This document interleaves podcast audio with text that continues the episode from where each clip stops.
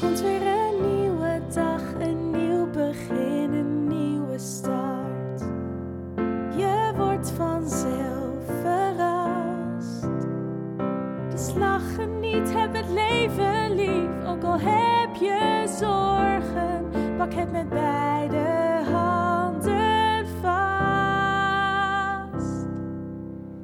Dit is de Alles is Liefde podcast.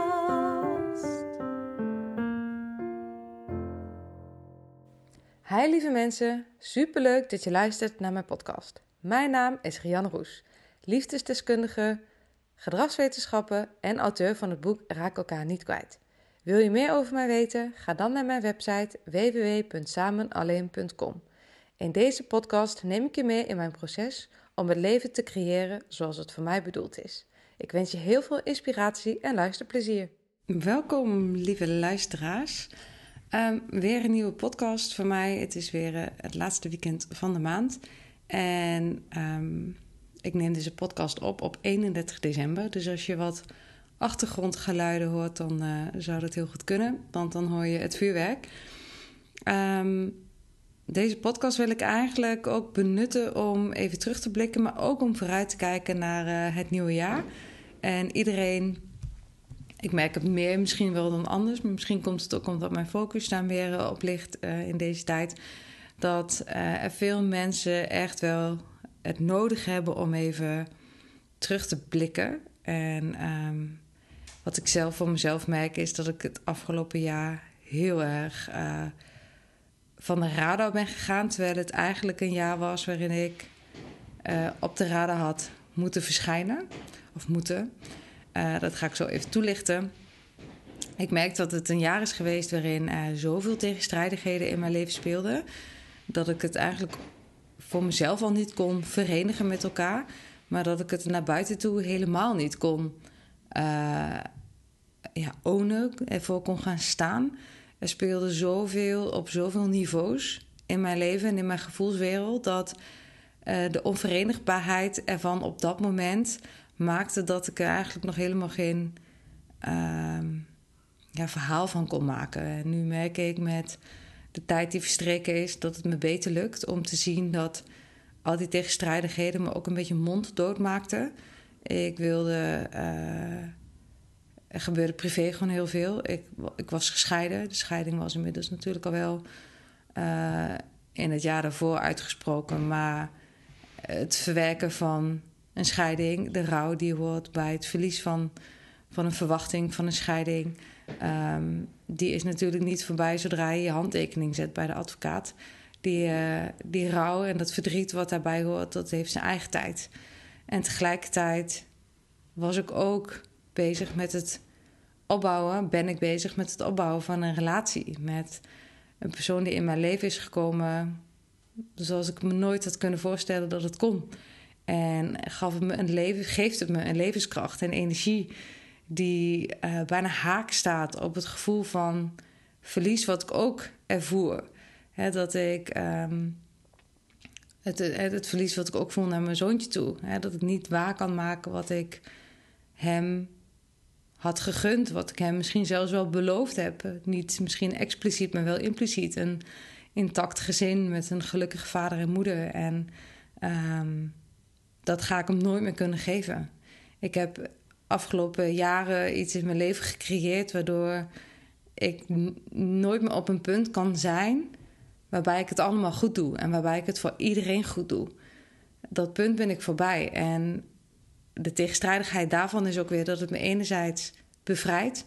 Het bevrijdt me van een soort van druk die ik voel of voelde om het steeds maar goed te doen. En tegelijkertijd uh, is het een, een hard gelach, omdat het zoveel fijner is om het voor iedereen goed te doen. Om zo, um, ja, eigenlijk vooral liefde te bestrijden en mezelf recht in de ogen te kunnen aankijken en te kunnen zeggen van, uh, ik heb het allemaal voor iedereen goed gedaan.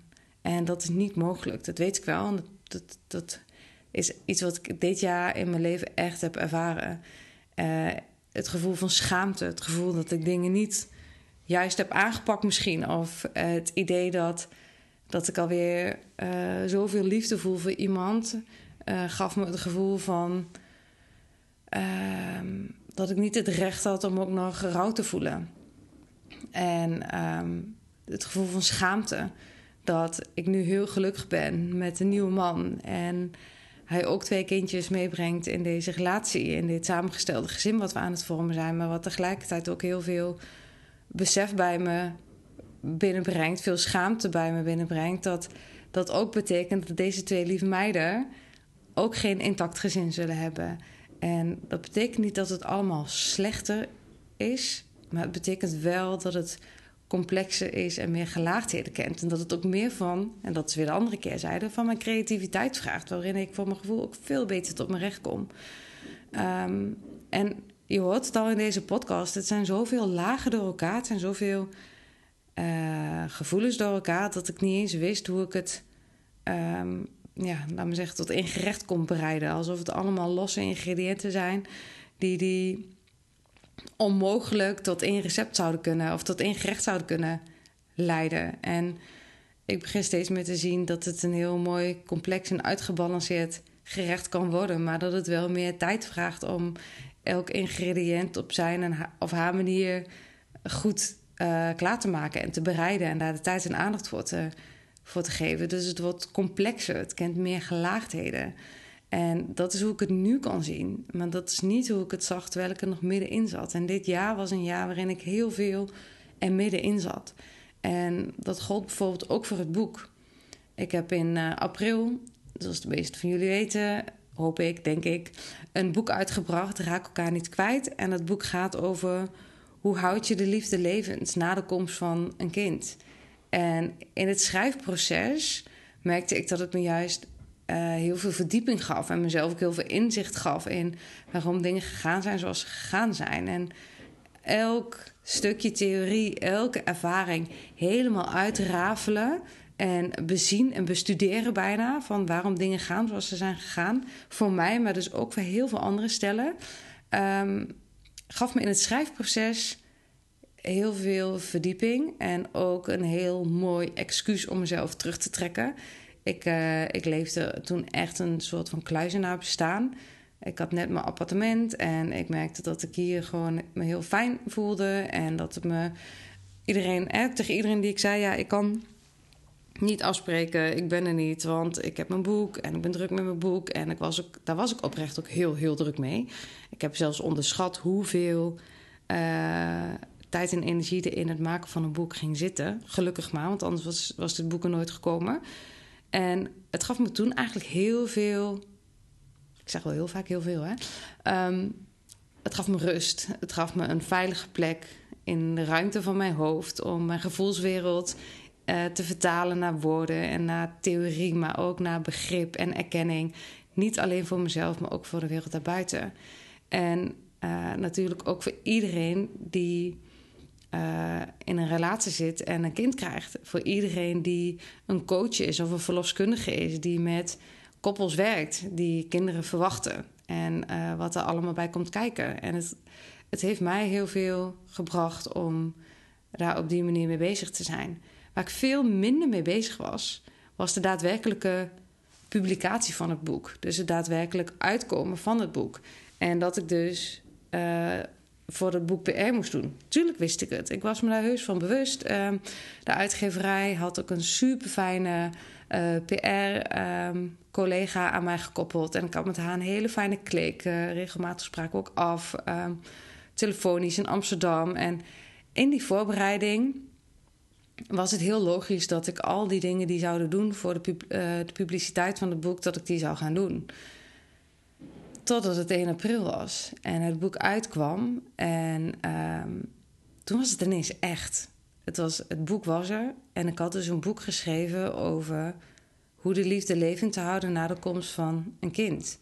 Precies dat wat mij en mijn ex-partner niet gelukt is. En op dat moment denk ik, nu terugkijkend, dat ik uh, schaamte voelde voor het feit dat ik een boek ging uitbrengen. Waarbij ik er zo zeker van was dat dit de titel moest zijn, dat dit de ondertitel moest zijn. En dat dat was waar ik voor stond, de inhoud.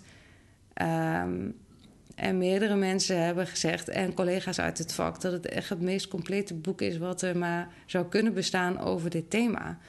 Maar ik merkte ook dat energie van schaamte op dit boek ging zitten. Schaamte van mezelf, omdat ik pretendeerde iets te weten wat ik zelf niet in de praktijk kon brengen. En ik hoorde die uh, oordelen en die, die opmerkingen van mensen her en der uh, ook op me afkomen. En natuurlijk hoorde ik ook de andere kant. En hoorde ik ook van wat mooi dat je juist ook uh, door dit, doordat je zelf een scheidingsproces hebt meegemaakt, je kan uitdragen dat ook al doe je alles goed, doe je alles letterlijk volgens het boekje.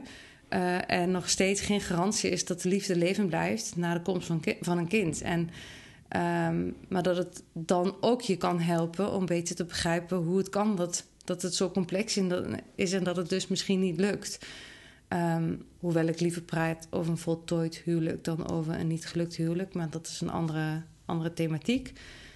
Maar ik weet ook dat ik de opmerking hoorde: uh, hoe kan zij nou zo'n boek schrijven? Hoe kan zij nou uh, deze titel kiezen? Hoe kan hè, mijn mijn kamer uh, staat vol met de boeken Raak elkaar niet kwijt. Houd de liefde leven na de komst van een kind. En het was ineens zo in mijn face dat ik dus ook schaamde, mezelf schaamde voor het feit dat ik dus ergens voor moest gaan staan.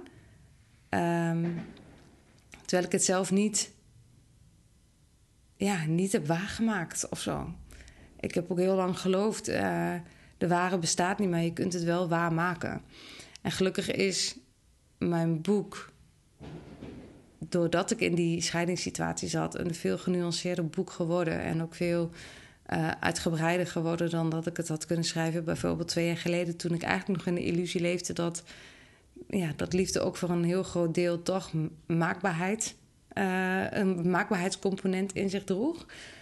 Uh, ik ben er inmiddels wat van afgestapt. Dus ook ik leer door het leven, maar ook door ervaringen en door de liefde zelf. Um, maar het boek kent natuurlijk al een, um, een schaamtecomponent, omdat er een taboe beschreven wordt.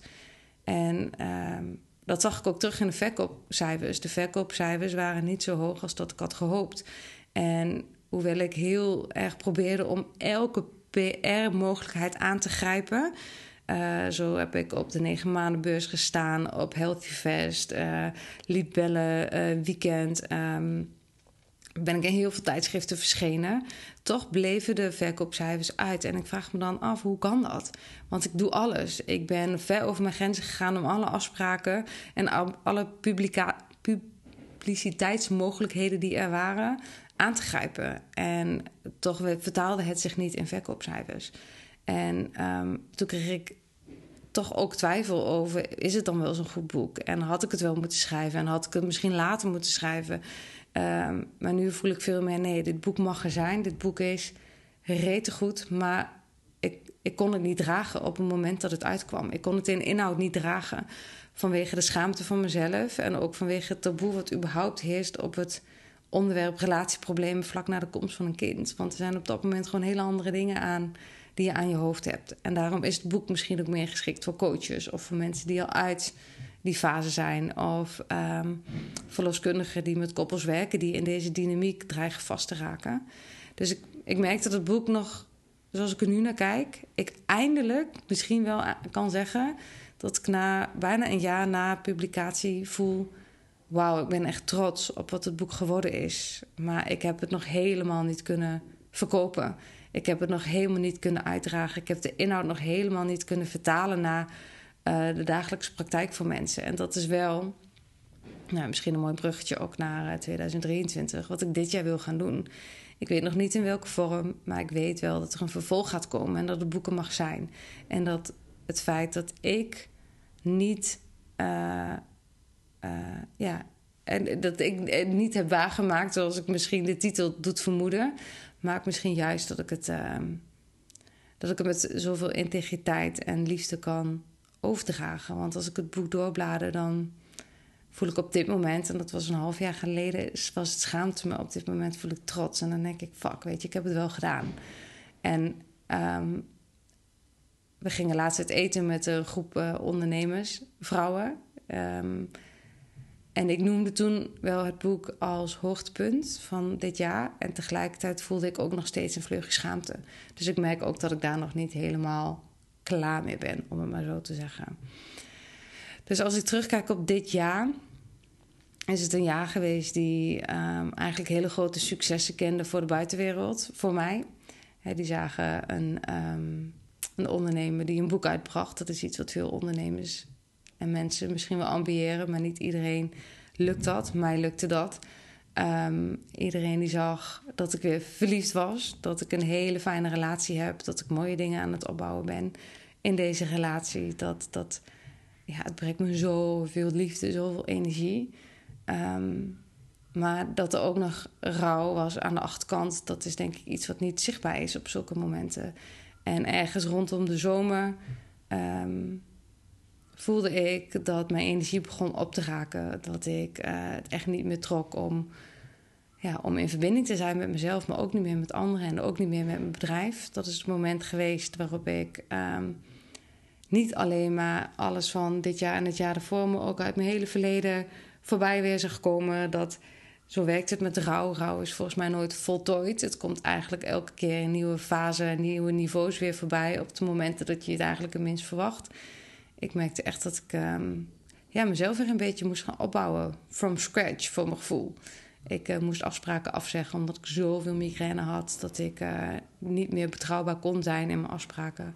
En um, nou, dat is denk ik wel echt een dieptepunt geweest in, uh, in dit jaar. Als ik kijk tussen de periode van augustus tot, nou misschien wel, tot de ayahuasca-ceremonie waar je over hebt kunnen horen in de vorige twee podcasts. Uh, en die was eind oktober. En vanaf dat moment gaat het echt stukken beter met me. En voel ik zoveel zin en motivatie om 2023 helemaal te omarmen. Zoals ik in een van mijn andere podcasts ook al wel genoemd heb, is er achter de schermen van alles in beweging, vooral binnen mijn bedrijf. En ik kijk er heel erg naar uit om al die veranderingen te gaan lanceren in 2023. Uh, veel van mijn aanbod blijft wel hetzelfde, maar het wordt eigenlijk in nog veel en veel en veel mooier en professionele jasje gegoten. Veel een complete aanbod, waar ik nu nog niet zoveel over kan delen, maar dat wel ga doen. Dus 2023, um, ehm, ik heb er zin in. En het is inmiddels al een maandje aan de gang.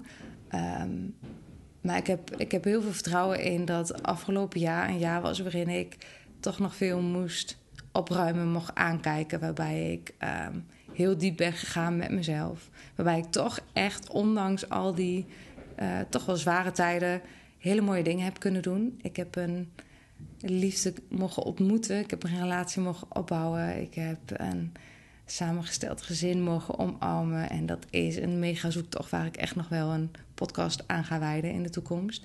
Ik heb nog op een nog dieper niveau ervaren dat het leven echt vol tegenstrijdigheden zit. En dat uh, als ik het één zeg, dat het niet betekent dat het. Als ik iets positiefs zeg, dat het negatiefste negatieve en niet meer is. Of als ik iets negatiefs zeg, dat ik het positieve niet meer heb.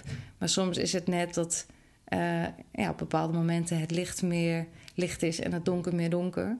Dus dat het een wat meer overheerst dan het ander. Maar het is er altijd allemaal. Dat is echt wat ik ervaren heb. Het is er allemaal. En als ik voor mezelf me kan verdragen dat alle tegenstrijdigheden in het leven bij mij horen, dan kan ik daar ook voor gaan staan. Los wat anderen daarvan vinden. Los van of anderen het willen zien of ook willen omarmen. En die verschillende perspectieven ook kunnen verdragen. Daar gaat het niet over. Het gaat echt over dat ik ehm, het in mezelf kan verenigen. Hoe onverenigbaar het soms ook lijkt. Dat ik er zelfs, zelf een mooi gerecht van kan koken. Ook al lijken alle uh, ingrediënten uh, tot iets heel goors te leiden. Maar is het uiteindelijk gewoon iets wat heel prachtig samen kan. En met complexe smaken. Want ik hou van de complexiteit en de creativiteit en alle liefde van het leven. En ik heb er heel veel zin in om dat in 2023 um, ehm, ja, allemaal te laten ontvouwen. En ik zag, uh, daarmee ga ik afsluiten, laatst een hele mooie spreuk. Laten de tranen van 2022 het water zijn van de zaadjes die uh, geplant zijn, ook in 2022. En die dan tot bloei kunnen komen in 2023. En daar ga ik voor. Ik, um, ik neem jullie mee in alles wat er, uh, wat er komen gaat. En ehm, ik wens jullie voor nu uh, heel veel liefs en alle goeds voor 2023. Ik hoop dat al jullie wensen gaan uitkomen. Dat je ook echt de tijd gaat nemen om, als je ondernemer bent, echt doelen te stellen. Om een plan te maken, om een budgetplan te maken, om een streefbedrag. los van dat ik geen business coach of iets dergelijks ben. Maar ik merk dat het mij altijd heel erg helpt om echt weer doelen te stellen en die zo goed mogelijk te monitoren en, en te kijken hoe ver het staat met het behalen van die doelen.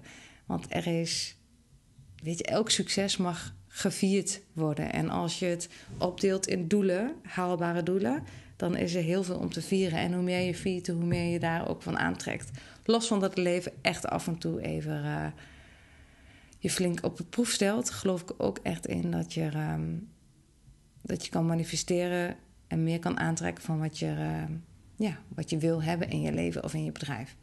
Nou, uh, een beetje een rommelig einde, maar wat ik heel erg een beroep op wil doen is: ga, neem even de tijd om te voelen van waar mag het voor mij dit jaar over gaan en welke doelen horen daarbij en hoe ga ik ze bereiken, zodat je ook um, volgend jaar kan terugkijken op een enerverend, succesvol, liefdevol jaar. En dat is uh, wat ik ieder van jullie wens. Voor nu, dankjewel voor het luisteren en tot de volgende podcast hey, daar was ik toch nog eventjes. Uh, want ik wil jullie meenemen in mijn single session therapy. Elke vrijdagochtend om 9 uur, half 11 en 12 uur kun je bij mij een single session therapy boeken. En misschien vraag je je af, wat is een single session therapy? Nou, de naam zegt het eigenlijk al. In anderhalf uur tijd gaan we telefonisch duiken we de diepte in in een vraagstuk wat voor jou op dit moment gewoon echt een heet hangijzer is. Dat je voelt, ik moet hier met iemand over praten, over sparren. Ik heb nieuw perspectief nodig op bijvoorbeeld een relatie of op een conflict. Of op, nou, we kunnen het zo gek niet bedenken, een, een, um, een verlangen wat je hebt, wat je zou willen uitspreken. Of een keuze die je wil maken, maar je eigenlijk nog wat meer um, aanmoediging nodig hebt om daadwerkelijk een besluit te nemen wat je al lang weet dat je moet nemen. Wij gaan in anderhalf uur tijd helemaal ervoor zorgen dat jij nieuw inzicht hebt waar je mee verder kan. En um, ik wil het zo laagdrempelig mogelijk houden, omdat de GGZ-structuren uh, vaak voor lange wachttijden zorgen. Is er voor nu elke vrijdagochtend de gelegenheid om met mij te sparren. Om 9 uur, om half 11 en om 12 uur. Wil je hier nou gebruik van maken? Stuur mij een pb'tje uh, via LinkedIn, een DM'tje via Instagram of stuur mij een mailtje Rianne samenalleen.com. Op uh, Instagram en op LinkedIn kun je regelmatig zien welke tijden nog beschikbaar zijn. Wil je het zelf al even weten? Stuur dan mij een bericht en dan ga ik het voor je nakijken. En dan zorgen wij ervoor dat we elkaar gauw gaan spreken. Tot snel!